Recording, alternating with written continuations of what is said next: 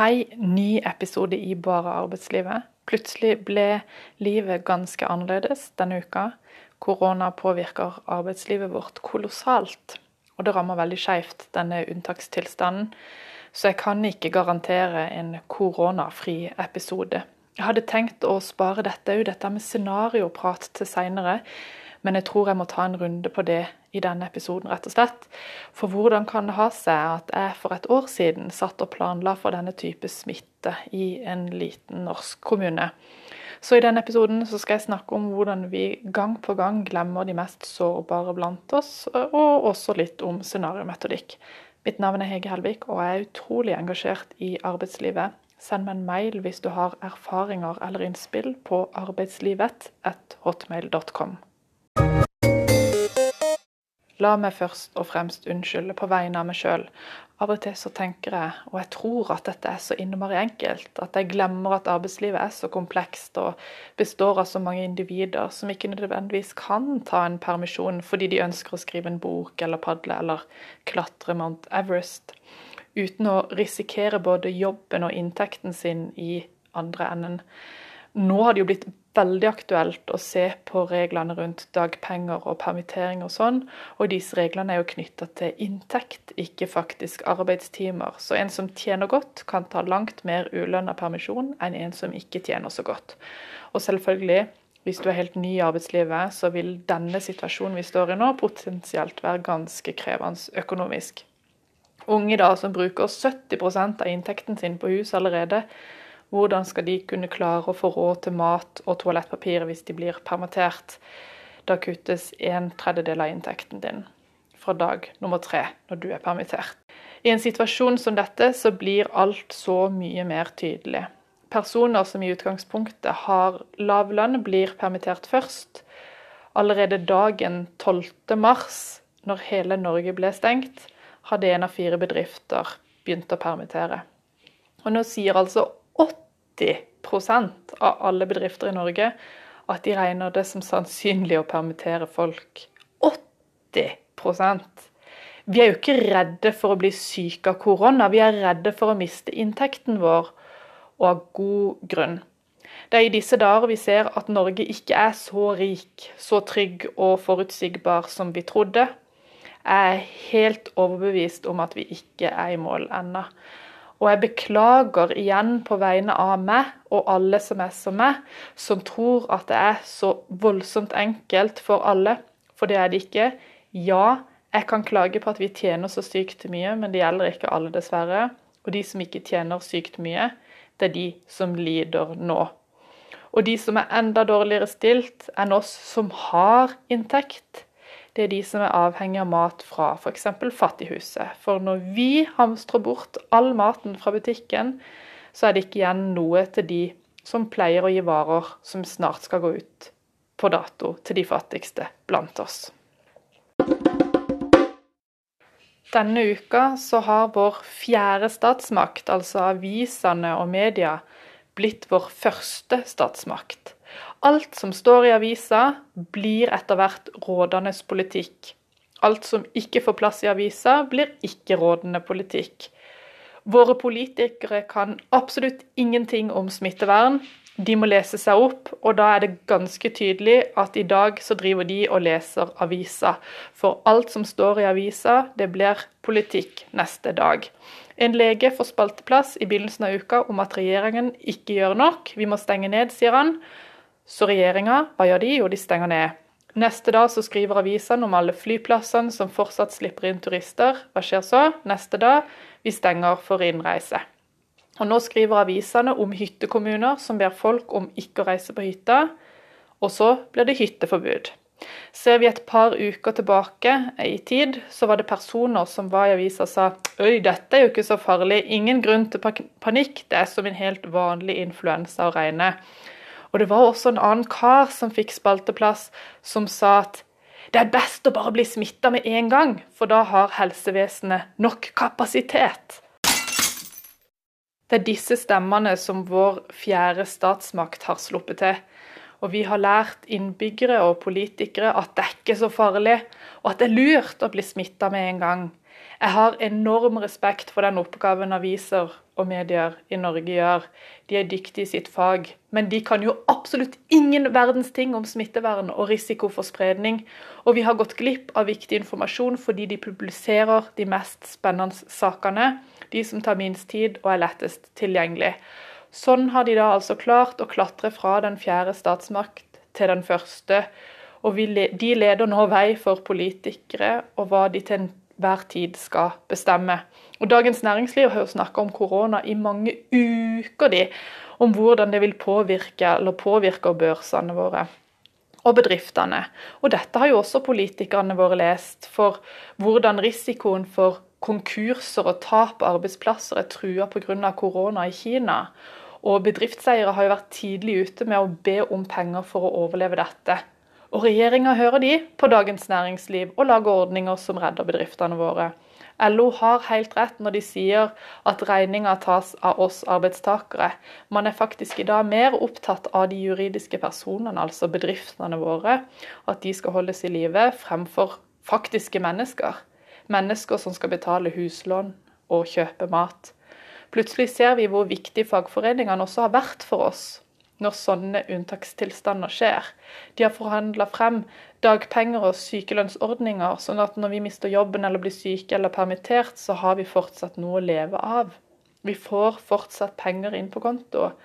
Kanskje ikke like mye som før hvis vi permitteres eller mister jobben, men i teorien så skal vi jo kunne klare oss.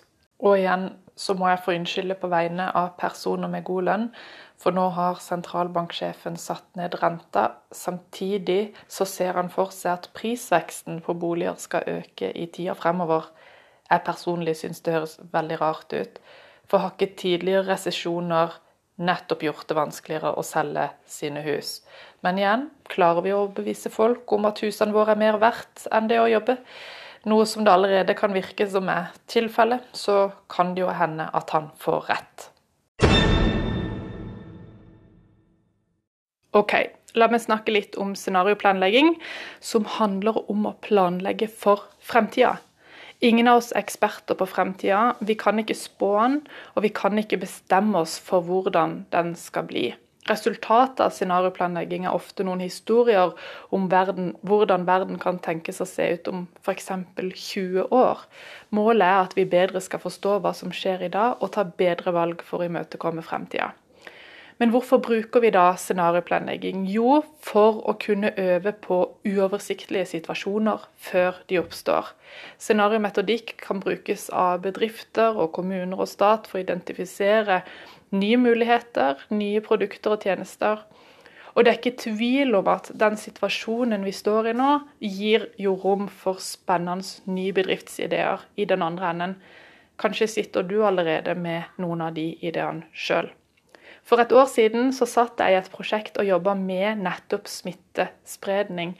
Og det føles jo ganske spesielt og på en måte ganske kjent for oss som var involvert, når plutselig jeg og du og vi alle står midt oppi en ting som for ett år siden var en teoretisk øvelse med en liten kommune som skulle planlegge et sykehjem. Kort fortalt så er ideen bak scenarioet at vi alle har vårt utgangspunkt å se verden fra. Basert på vår utdanning, arbeidserfaring og til og med oppdragelse vil vi se verden på ulike måter.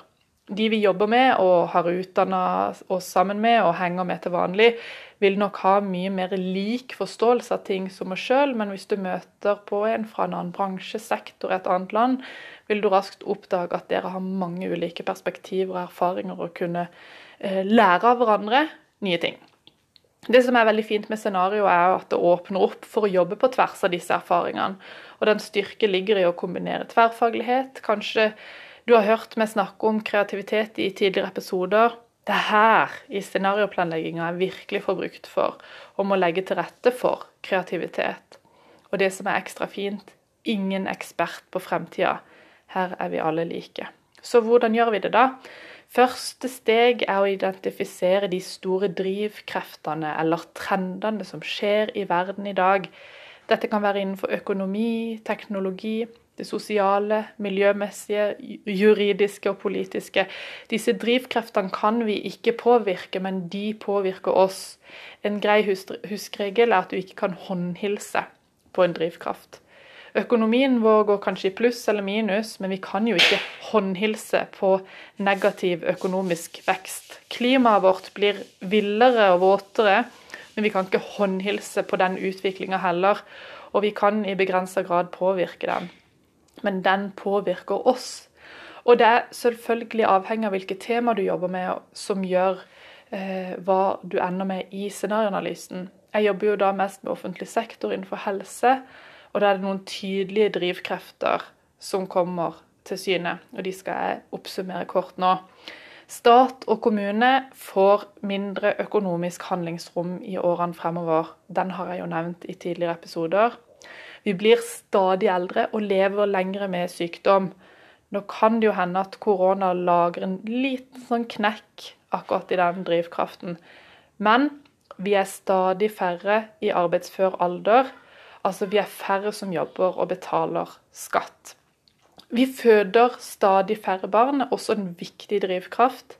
År etter år er fødselstallene rekordlave. Og så skal vi jo gjøre mer sjøl. Innenfor helsetjenestene, de som jobber aktivt med kompetanseutvikling, leter hele tida etter nye måter som vi som pasienter kan gjøre mer av behandlinga sjøl. Men dette er ikke så lett hvis man ikke har tid. En syk person som skal øve seg på å ta på seg sin egen klokke, f.eks., vil bruke lang tid på det i begynnelsen, men etter hvert så vil han kanskje klare det bedre og bedre sjøl. Kan du som helsepersonell ta deg tida til å se pasienten klare det sjøl, eller er det raskere å bare putte på den klokka på han sjøl? Eh, og dette utviklingstrekket med at vi skal gjøre mer og mer sjøl, det ser vi andre steder også. Vi skal jo pipe inn og betale for ting sjøl i butikken. Og med den største selvfølge booker vi jo våre egne reiser i dag. Vi gjør jo rett og slett mer og mer sjøl. Første gang er jo en bøyg som vi må over, og så får vi det likevel til. Her om dagen, før jeg begynte å jobbe, så skulle jeg kjøpe meg noen nye klær. Og i butikken så var det kommet selvbetjeningskasser hvor man skulle bl.a. ta av denne alarmtaggen sjøl. Jeg har aldri vært borti det før, men de som jobber i kassa på klesbutikker, får det til å se så veldig lett ut. Men det var det jo ikke. Og vi sto fire ulike kunder der og klødde oss i hodet. Særlig fordi, skulle det vise seg, man måtte jo betale først, så kunne man fjerne alarmen etterpå. I dag er det korona som er den store drivkraften som påvirker alt av politikk, økonomi og oss sosialt. Det teknologiske vil også bli påvirka både nå og i tida fremover. Og korona er en usikkerhet som vi ikke visste om når eller hvordan eller hva det kom til å hete, eller på hvilken måte det vil inntreffe. Men vi så for oss at det kunne skje enorme smittespredninger i samfunnet. Og det er nettopp her magien i scenarioplanleggingen ligger.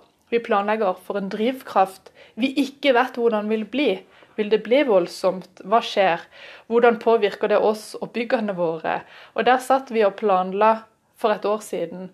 Og Innenfor scenariometodikken så sier vi at vi øver oss på kaotiske perioder under trygge rammer. Men selv da der jeg satt for et år siden, så ante jeg ikke hvilke konsekvenser det ville gi for økonomien og arbeidsplassene våre. Og det var jo heller ikke det som var oppgaven og problemstillinga vi jobba med der.